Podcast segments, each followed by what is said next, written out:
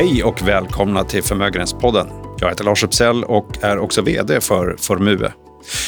Som vanligt, Mikael Levin, chefstrateg på Formue och jag ska sitta här och prata lite grann om vad som händer på marknaderna, det vill säga de finansiella marknaderna. Kanske mm. lite grann vad som har hänt och vad som kommer hända framåt. Ja, nej, det är väl lite tanken. Vi börjar ju få upp en, en, eh, en viss kontinuitet, skulle jag vilja säga. Det är ju snart två år. Ja, mm. Eh, men du, innan vi hoppar in på det. Det är den 30 13, november och det är exakt en månad till Lucia. Ja. Så med anledning av det, har du haft en bra helg? Ja, det, det, det tycker jag. Eh, vi ska inte gå in på några, några detaljer, men en liten, eh, ett litet tips för, för de som eh, kanske har vägarna förbi Stockholm är ju att eh, göra som jag gjorde i helgen, besöka Nationalmuseum. Fantastisk, dels byggnad, de har ju renoverat den. Det är jättekul att se bara det. Och sen blir man ju översköljd av, av ehm, ja, allehanda intryck skulle jag vilja säga. Just nu så är det en utställning om, om trädgården och trädgårdens ja, ska jag säga, påverkan eller hur den har gestaltats i konsten under 600 år. Ska lägga till att eh, Nationalmuseum är inte sponsor till dagens avsnitt. Nej, det är det, är inte. Men din, din helg har också varit bra. Min helg har också varit bra. Eh, trevligt umgänge och lite firande på Fars dag. Ja, just det. Det var det. Ja. Mm. Men du, nu ska vi hoppa in. Ja. Eh, Marknaden sover aldrig. Nej. Kanske lite grann lugnare på helgerna, men... Ja, eh, eller så väljer vi att se det som lite lugnare under helgerna för att man kanske inte själv har liksom 100% fokus på, på marknaden. Men tro mig, den, den är igång rätt hårt över helgen också.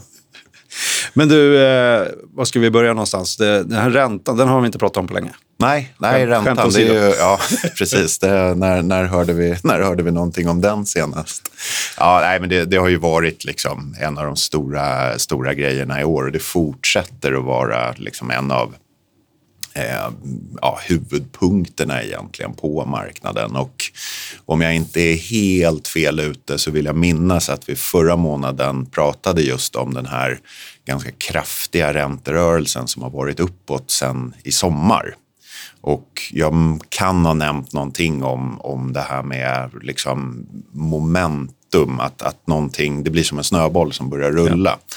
Och så bara fortsätter och det var väl lite känslan där kanske för en månad sedan. Eh, den känslan är ju dock inte värd så mycket för att man vet ju aldrig, eh, eller åtminstone jag vet inte, hur länge det där momentumet håller i sig. Eh, vi har ju också åtminstone eh, tvåsiffrigt antal gånger sagt att, att marknaden är lite av en drama queen. Mm. Och det är det som gör det ännu svårare för att det blir alltid överdrivna rörelser oavsett om det är upp eller ner. Mm. Och någonstans där i slutet av oktober, början av november så, ja, så tog rörelsen slut, åtminstone tillfälligt. Men de där trenderna, de är liksom, the trend is your friend, det är ju också ett uttryck. Ja, men, och jag kan inte säga emot det. För the trend is your friend, ända tills det inte finns någon trend. och just det där ögonblicket när trenden vänder eh, och liksom pricka det, det, det är någonting som, som många försöker och, och, inte alla lyckas. Och de som lyckas, där tror jag det är mer kanske slump eller tur eller vad man ska säga än att precis ja, om en vecka då kommer trenden i den amerikanska tioåringen att vända. Eh, det är inte många som liksom har det kolet kanske. Men de där brotten brukar bli ganska kraftiga också. Mm. Ja, men oftast är det ju, och det är det här som är, tycker jag, ganska spännande med, med marknaden. För att vi kan ju bränna hur mycket tid och resurser som helst på att göra den fundamentala analysen. Att vi ja, processar alla datapunkter som finns och målar upp scenarier och, och ja, jag tänkte säga 160-sidiga rapporter, för de är inte helt ovanliga kring det här ämnet, som, där allt finns listat. Och så har vi den här lilla, fakt, lilla faktumet att det är ju människor som är på marknaden. Och det, är, det går inte alltid att kvantifiera människors beteende. Och eh, om vi ska börja måndagen med ett gammalt citat, vilket jag alltid tycker att man ska göra, så går vi tillbaka till den gamla brittiska ekonomen John Maynard Keynes, alltså keynesianismen. Eh, för han var ju också, förutom då en framstående ekonom, eh, en väldigt duktig förvaltare eller marknadsmänniska. Han förvaltade ju, nu kommer jag inte ihåg om det är Oxford, eller Cambridge, jag tror det är Cambridge han var på. Han förvaltade deras pensionsfond. Mm. Eh, och han var, han, var, han var duktig. Och han hade ett citat eh, att marknaden, att bli framgångsrik på marknaden, det handlar om eh, to anticipate others anticipations. Det vill säga försöka förutspå vad andra kommer att förutspå, vad de har för förväntningar. Och där har vi lite den här liksom pudens kärna i, i eh, att en trend plötsligt vänder åt något håll. Mm. Och det är, det är förväntningar. Och som investerare då så ska du försöka förvänta andras förväntningar. Men du, uppsummerat då, har vi haft ett trendbrott i räntemarknaden? Eh, återstår att se. Det är lätt att säga för att just den här reaktionen tillbaka. Eh, uppenbarligen var ju, vi, vi gillar ju stora, runda, fina tal. Eh, jämför med när någon fyller 47 kontra 50. Liksom, vad som är störst. Eh, och det där stora, fina, runda, jämna talet verkar vara 5% på den amerikanska tioåringen. För där var den ju uppe, då, uppe på 5,03 tror jag, eller 5,04. Och sen eh, så kom den här liksom bara brottet. Och den sjönk ju tillbaka här ner mot 4,50 vilket är, liksom en, det är en riktigt kraftig rörelse på ganska kort tid. Eh, och man kan alltid spekulera i, i eh, liksom orsakerna till det där. Det är ju alltid bekvämt när det väl har hänt. Då kommer förklaringarna. Mm.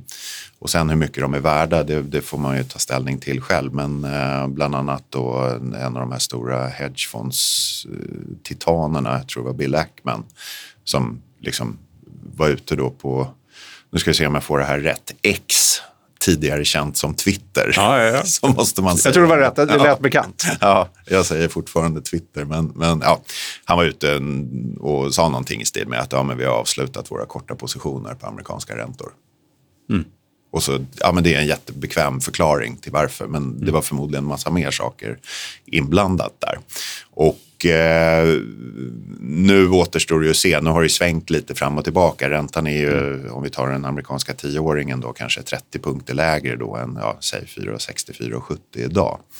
Eh, och då är det frågan liksom om, om det är någon sorts ny jämviktsnivå eller mm, om nu måste marknaden processa det här ett tag och så kan man eventuellt ta ut en, en, en ny riktning. Jag skulle vilja säga att liksom de underliggande drivkrafterna kanske inte har ändrat sig supermycket. Eh, för vi har fortfarande liksom en amerikansk ekonomi som, som överraskar. Mm, eller den är fortfarande hyggligt stark. Mm. Eh, vi har fortfarande en amerikansk arbetsmarknad som är ganska så stark. Även om det kanske börjar naggas lite i kanten. Men, men den underliggande styrkan på arbetsmarknaden den, den, den finns där. Även om kanske en del vill få det till att det, det är som vanligt då en, en, någon sorts form av, av sminkad, sminkad fyrbent varelse som säger nuff.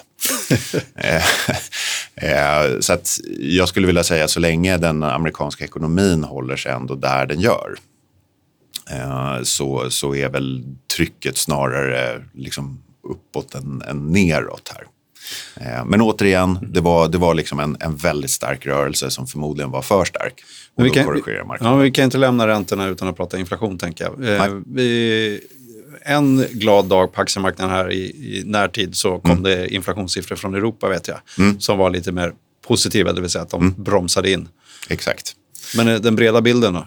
Eh, hyggligt positiv ändå. Inflationen är ju på väg åt rätt håll, det vill säga neråt. Men det betyder ju inte att den försvinner. En trend där också? Ja, precis. Eh, det betyder ju bara att priserna ökar i lägre takt. Ja. Eh, och det får man inte glömma bort när man ser det där. För man tror att ja, men bara för inflationen sjönk så, så är problemet ur världen. Den, den, finns ju fortfarande kvar och i vissa fall, då, bland annat Sverige, så, så ligger den ju kvar på kanske lite för höga nivåer. USA har ju kommit betydligt längre där, även om det nu på slutet har varit lite, lite uppåt. Europa som du, som du nämner, också på väg ner. Vissa länder, återigen, här har vi mm, det lilla problemet att det finns så många olika datapunkter att referera till. Men, Man mäter olika saker? Ja, Det kan man säga. Och, och, där behöver man ju nästan någon sorts form av, av liksom doktorshatt för att och, ja, rota i den där djungeln av inflationsdata. Men vissa länder i Europa kan man argumentera för att de, de nästan är i deflation. Så långt har det gått där. Mm. Men då måste man också tänka på så här, okay, men vad är orsaken till att inflationen sjunker? Och i USA så, så kanske det mer har att göra med just det vi var igenom här för, för ett par månader sedan med kraftigt stigande räntor, det vill säga att ekonomin faktiskt bromsar. I Europa skulle jag säga att det kanske är lite mer risk för att ekonomin eh, ja, bromsar lite för mycket. Det vill säga att det, det är på väg kanske till och med mot lågkonjunktur eller recession mm. och så faller inflationen av, av eh, liksom den anledningen. Medan då i USA att ekonomin är liksom så stark så att de högre räntorna bromsar. Men hade de inte funnits där så hade riktningen varit uppåt. Men det där med recension är intressant. Eh, mm. Världens mest väntade recession. Ja. Är den här eller? eller är det en sminkad gris? Ja, nej, det, det, det där är också en sån här definitionsfråga. USA, nej. Eh, Europa, delvis skulle jag vilja säga. Det, det, det har ju varit, tekniskt sett så har det ju varit recession i Europa för tillväxten har varit negativ två kvartal i rad och så blev det väl något ja, 0,0 bla bla bla plus ja, mm. oförändrad mm. sista kvartalet. Eh, så delar av Europa och Tyskland tyvärr, det är återkommande. Jag tror vi nämnde det förra månaden också, att, att där ser det ju ganska skrynkligt ut på, på sina håll. Eh, även, även Sverige eh, skulle jag vilja säga det är väl kanske lite att sticka ut hakan och säga att vi befinner oss i recession. Men jag tror liksom rent tillväxtmässigt så, så är det tveksamt om vi ligger på plus just nu eller i, årstakt att svensk ekonomi växer. Eh, sen återigen, eh, vi har ju också en ganska stark arbetsmarknad. Eh, och det gör ju att det kanske inte upplevs som recession även om tillväxten är låg. För så mm. länge du har jobb så, så har du också ett kassaflöde och kan ungefär leva som, som vanligt. Eh, men det finns en... Eh, ja, de amerikanska investmentbankerna de, de är ju stora. De har massor av resurser och en av de största är Goldman Sachs. Och de har sin realtidsindikator över världsekonomin som heter CAI, Current Activity Indicator. Och den processar i princip all tillgänglig data. Och så har de aggregerat upp det där till liksom en jättemodell. Eh, och då kan du titta på dels hur världen går, hur olika regioner går, hur olika länder går och så vidare.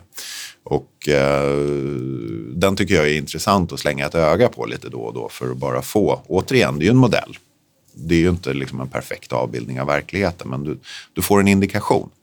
Och där ligger den globala tillväxten på strax över 2 procent. Återigen, definitivt inte någon, någon liksom högkonjunktur men heller inte en recession.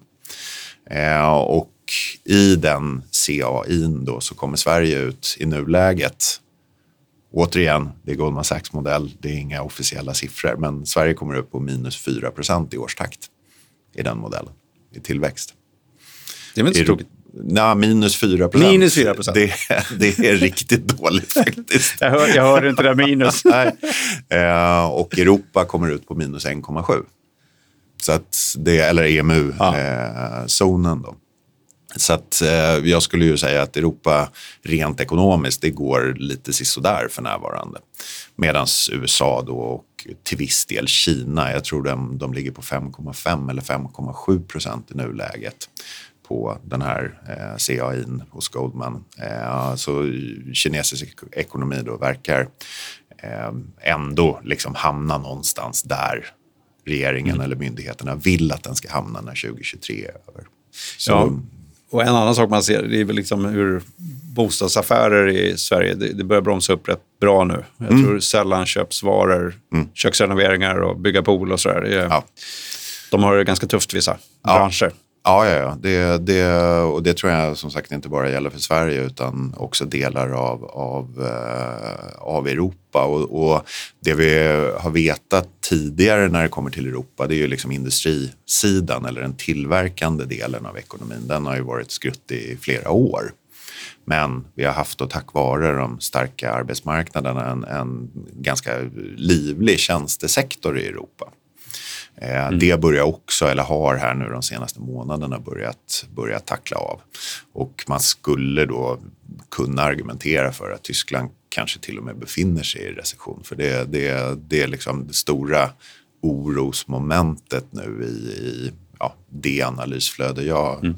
liksom tittar på. Det är, det är Tyskland, för det är ju Europas ekonomiska motor. Och där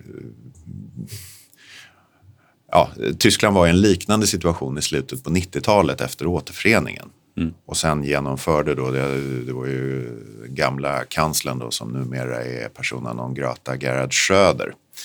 Han är ju fortfarande styrelseledamot i Gazprom. Eh, han genomförde ju i början av 2000-talet de så kallade Hartz-reformerna. Och det tog ju Tyskland till den här liksom enorma positionen de hade för bara ett par år sedan. För det revitaliserade eh, tysk ekonomi. Och nu är de återigen då det de var i slutet på 90-talet, början av 2000-talet, Europas sjuke man. Så nu ska det bli väldigt intressant att, att, följa vad som händer i Tyskland för att de fattar ju att någonting förmodligen behöver göras. Mm.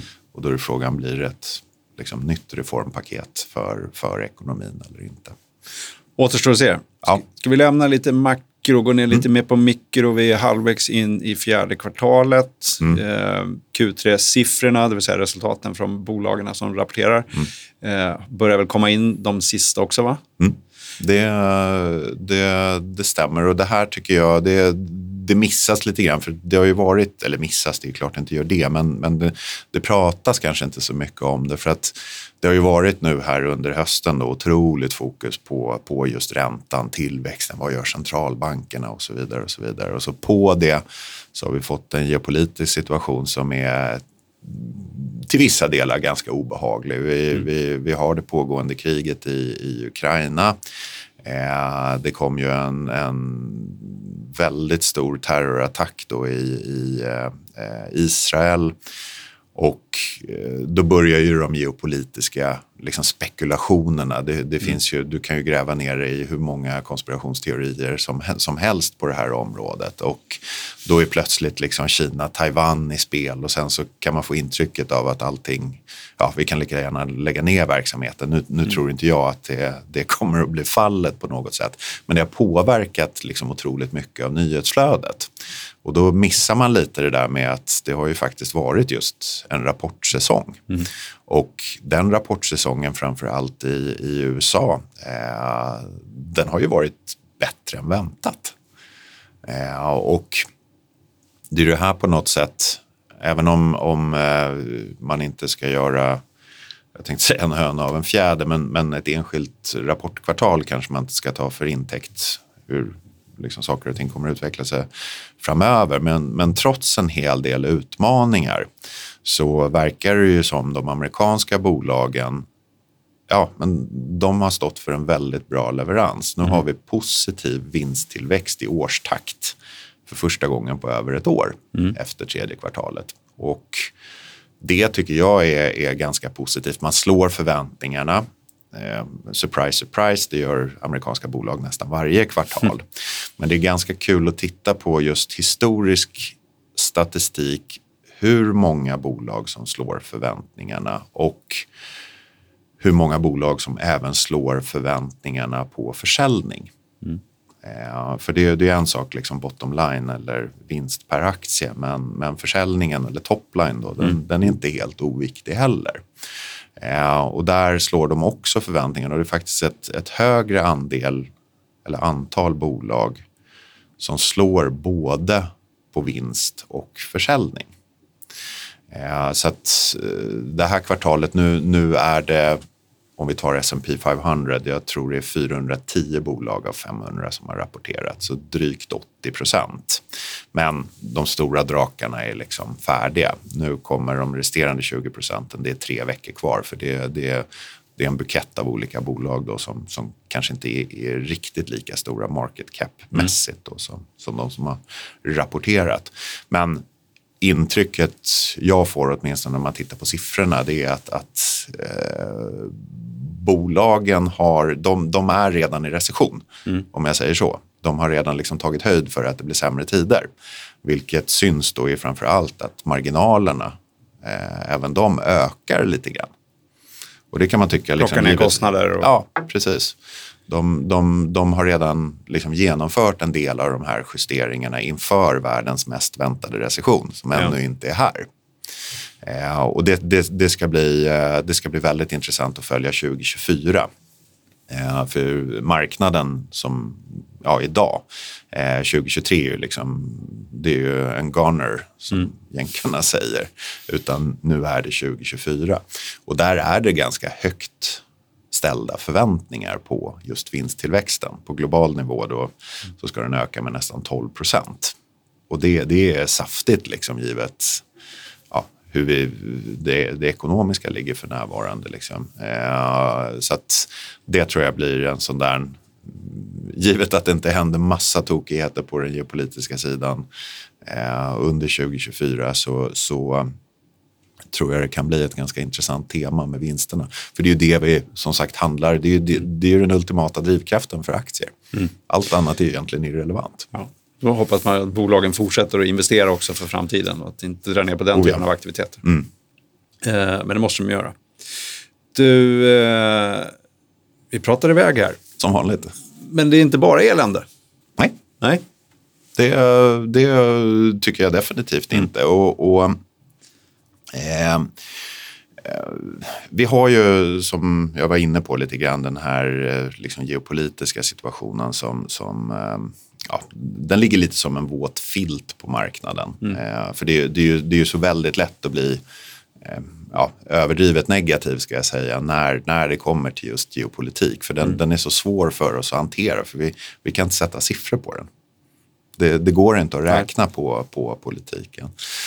Eh, och där ändå så givet det som har hänt i Mellanöstern så, så är det ju, kan jag tycka, ja, lite positivt ändå att det inte har blivit större marknadsreaktioner än, än vad det har blivit. För man kan ju tänka sig att skulle det vara en riktig liksom allvarlig situation, då skulle oljepriset förmodligen inte sjunka. Mm. Vilket det har gjort sen då, eh, den här terrorattacken i Israel.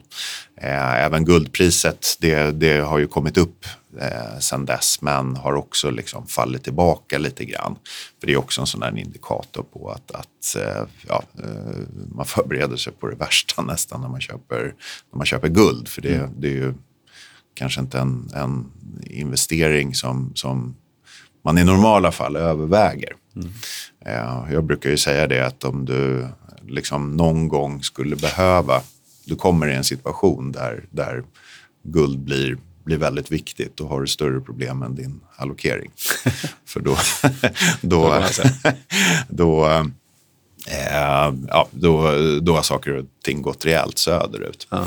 Så att man får ändå försöka se någorlunda nyktert på just den geopolitiska situationen. Att, att den, den marknaden verkar anse att, att det är kanske lite mer åt brushållet än någonting liksom riktigt riktigt allvarligt. Ja, det är humana katastrofer som är väldigt allvarliga. Det ska man inte glömma bort. Det ska man Nej. inte glömma bort. Men, men däremot om man tar Mellanöstern så var väl, när vi satt för en månad sedan och den mm. eh, attacken precis hade varit då från Hamas, mm. så mm. det var väl just oron för hur det skulle sprida sig mm. eh, i Mellanöstern. Ja. Och det har vi väl inte sett så mycket av, utan än Nej. så länge.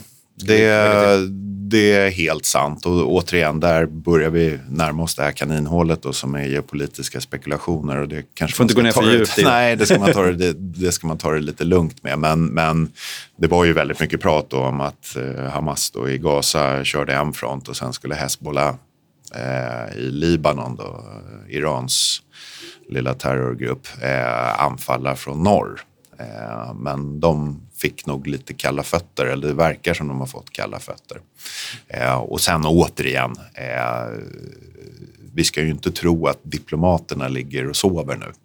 Nej. Utan det händer förmodligen en hel del bakom kulisserna som, som vi aldrig får reda på liksom, för att då försöka behålla eh, lugnet i den här situationen. Och det gäller mm. nog både liksom länderna i Mellanöstern då, men, men även västländer som, som är där och, och försöker förhandla och lugna ner.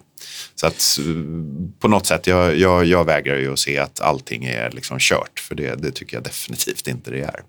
Nej, och hittills i världshistorien så har det väl aldrig varit helt kört. Nej. Utan vi har kommit tillbaka. Nej, precis. Det har varit några tillfälligheter, men, men eh, eh, vi har faktiskt en, en förvånande tendens att ändå ta oss vidare. Ja. Eh, och det, den, den tendensen tror jag kommer fortsätta. Men du, vi var på väg ner i ett kaninhål. Ja, vi räddade oss i sista sekunden och ja. vi pratar iväg rätt mycket. Vi har nästan mm. glömt bort att vi skulle prata om månadens tema. Ja, eller Vad tänkte du prata om då? Eh, det blir ju någonting för alla Kurosawa-fans där ute. Och då ställer ju du frågan, ja, Levin, vad, vad är det här för kaninhål? Ja, Akiro, exakt. Akiro. Är, är det någon film? Eller Gamla japanska regissören. Ja. Eh, körde ju en film, eh, jag tror det var på 50-talet, va? som eh, handlar om sju samurajer som, som räddar en by. Och sen så blev ju den omgjord på 60-talet med Jules Brunner bland annat i huvudrollen och då hette den ju The Magnificent Seven.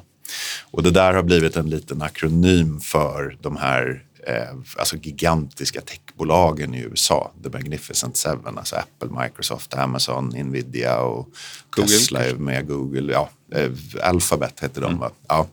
Eh, och det där, det, det, har ju blivit någon sorts form av liksom ångvält på marknaden i år, de här Magnificent Seven. Och eh, mycket handlar ju om liksom dem och sen resten av marknaden.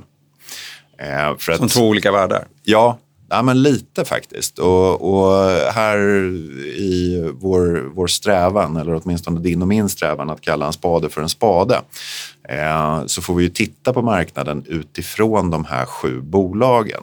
Om vi börjar i USA, mm. där de då är noterade, så refererar vi ju en hel del eh, till det här indexet S&P 500, det vill säga de 500 största bolagen i USA. Mm. Och det indexet är väl upp någonstans runt eh, vad är det, 13, möjligtvis 14 procent i år. I dollar? I dollar. Mm. Och det är ju liksom det är en fantastisk utveckling. Det är ju näst, ja, nästan två års avkastningar. Mm. Och då delar vi lite på marknaden i just Magnificent Seven och de resterande liksom 493 bolagen. Och Magnificent Seven är ju upp som grupp nästan, jag tror en bit över 30 procent, 33 procent. Mm. Vilket då indikerar att övriga 493 bolag är ju faktiskt ner. Varför är det stor andel av dem av index ungefär? Eh, Magnificent Seven är, nu ska vi se, nu får jag tänka om lite grann. För de tio största bolagen, då är det ju tre bolag utanför då, och det går ju på market cap eller eh, storlek på bolaget. Eh, de är lite drygt 30 procent av index. Mm. Så att det är då sju bolag i princip som har drivit amerikanska aktier. Så någonstans där 27-28 procent för de sju mm. då kanske? Mm. Någonstans där. Ja. Eh, vilket också är ju liksom historiskt sett, Eh, det är inte en anomali. För det har funnits sektorer eller en grupp av bolag som har haft den storleken. Men den stora skillnaden den här gången är att de håller sig kvar. Eh, tar vi slutet på 70-talet så var de tio största bolagen i USA, det var någon bank och sen var det resten oljebolag. Efter 70-talet då med alla oljekriser och, och energi var ju ja, dåtidens tech. Och det där det rök ju under, under 80-talet då, den sektorn. Eh, oljepriset gick ju ner och, och ja. Eh, och sen för drygt 20 år sedan då med IT-bubblan 1.0 eh, så var det samma sak där att eh, tech började röra sig, eller IT eller TMT, allt vad det hette. Eh, det började röra sig upp mot 30 procent. Och sen, ja det small ju rätt hårt där i början av, mm. Av 2000-talet på, på den sektorn. Men Eh, många skrev ju av den här eh, liksom, ja, megatech-dominansen under förra året när de gick ner då 35-37 procent som grupp. Mm. Eh, men återigen, det har ju varit en comeback av nästan episka proportioner i, i år då när de här sju bolagen i princip ensamma då har drivit den amerikanska aktiemarknaden. Mm. Och tar vi ut det till den globala aktiemarknaden så eh, är ju USA drygt 60 procent av ett världsindex. Vilket innebär, eftersom globala aktier är upp då strax över 10 procent, jag tror det är 11 procent i lokal valuta i år, så innebär det ju att de här sju bolagen liksom ensamma har drivit en stor del av avkastningen även i globala aktier i år. Och det tycker jag är lite, det är lite fascinerande. Vi, vi har ju läst otroligt mycket om dem även i år. Om storleken och att de tjänar då otroligt med pengar och de är dominanta och allt det där. Men, men då ska man sätta det, tycker jag också, i den relationen att de betyder enormt mycket för just tillgångslaget aktier. De, de är så pass dominanta. Och då får man ju ställa sig frågan, ja, kommer de att fortsätta att vara dominanta? Och den frågan tänker jag väl inte riktigt svara på, men, för jag vet inte. Däremot så kan vi titta då efter tredje kvartalet. De tjänar ju liksom otroligt mycket pengar. Det, det är helt enorma summor. Och som grupp så har de en kassa då, eller kontantinnehav som ligger i bolagen som är över en biljon dollar. Och det är liksom... Det är, det är många nollor. Det är mycket pengar. Och så en del av, av, frågeställningen varför de kanske inte ska vara dominanta framöver, det är ju att vi återvänder till där vi började, stigande räntor, eftersom det här är tillväxtbolag. Även om de är så otroligt stora så växer de ju fortfarande. Och stigande räntor innebär ju liksom att ja, då ska ju vinsterna där i framtiden, de ska ju diskonteras ner. De är mindre värda idag? Ja, mm. exakt. Eh, men då har vi det här lilla, lilla just faktumet att de sitter på otroligt mycket pengar. Och korta pengar i USA, det är 5,5 procent idag nästan. Mm. Som de liksom drar på den cashhögen, så att säga. Och det har gjort att de liksom till viss del har fått lite sådär safe haven-status. För att ja, men de, det, det, det, spelar ingen roll om det går lite sämre för dem. För att ett, de växer fortfarande. Två, de tjänar en väldig massa pengar. Tre, de har obegränsat med cashreserver om det skulle, om det skulle behövas mm. till någonting. Så att de, de har fått en liten, ja, skulle jag vilja säga, speciell status. Eh, för normalt sett när en sektor eller några företag blir så här stor andel av index så brukar det liksom bytas ut mot någonting nytt. Ja. Men det måste ändå vara en ganska stor skillnad med dotcom-krisen när vi mm. hade ju de här Framfab och, och Aha, allt möjligt Icon, här i Sverige. Icon Media Lab. Ja. ja. Det var ju spekulation om, om just de där vinsterna i framtiden Precis. som ska diskonteras till ja. någon slags nuvärde. Mm. Eh, Medan de här topp sju bolagen har stora vinster också idag, mm. även om de är, har en tillväxt också. Precis, och ett par av dem ska man ju komma ihåg, de var ju med redan då. Ja. Så liksom ett av få företag sedan i princip 90-talet som har lyckats hålla sig på topp 10-listan, både om vi tar 90-talet, 00-talet, 10-talet och nu även 20-talet, det är bland annat Microsoft. Mm. Eh, så att man kan ju säga att, att kanske så är, är liksom visst plattformsteknologin som de, som de står för, det, det är ju lite nytänk och sådär men hela liksom fundamentet för de här bolagen, de, det lades ju under förra it-bubblan. Men du, det här måste ju också ha konsekvenser för, jag tänker på aktiv och passiv förvaltning som man pratar om. Mm. Uh, om man är aktiv förvaltare, fondförvaltare, ja. så kanske man då letar efter russen i kakan där lite längre ner utanför Exakt. De största bolagen. Ja, de måste ha haft det tufft då. Det har varit svårt i år. Det har varit svårt i år. Uh, vi, uh, jag och mina kollegor tittade lite grann på liksom universet av, av uh, globalfonder. Alltså MSCI All Countries World, eller mm. ACVI som vi ibland säger.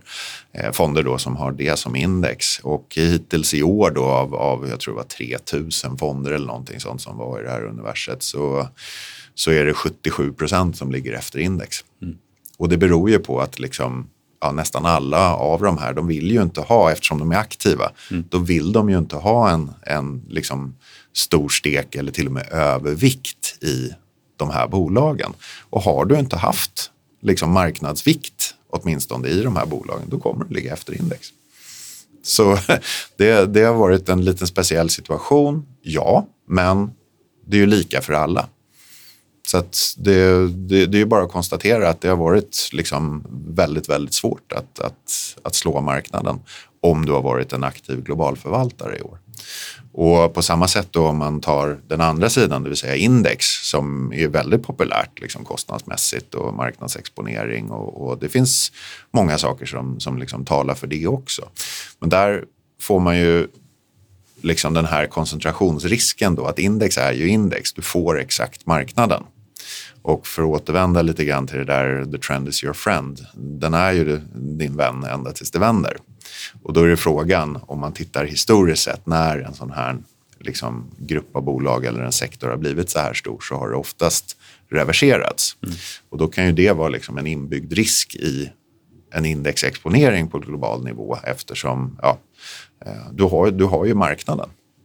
Ja, och de här bolagen har blivit mm. en väldigt stor del av Precis. den typen av exponering. Så äh, återigen den här passiv-aktiv diskussionen. Det, det är så här, vad ska man ha? Ja, hur långt är ett snöre? Det här det är, är ett djupt kaninhål. Ja, det är ett jättedjupt kaninhål. Men det handlar ju om preferenser. Det finns för och nackdelar med båda. Liksom. Ja. Vi håller oss mm. neutrala. Ja, äh, just här och nu i varje fall. Men intressant. Jag tänkte vi skulle börja runda av för idag. Mm. Så vi tackar er lyssnare för att ni har varit med oss. Mm. Ja, och eh, hoppas höra mer eh, att vi hörs mer längre fram. Det, ja, det kommer vi göra. Och, ja, men vi, vi kan säga så här, om en månad så är vi tillbaka. Då är vi tillbaka ja. och då är ni välkomna. Ja. Tack för idag. Tack, tack.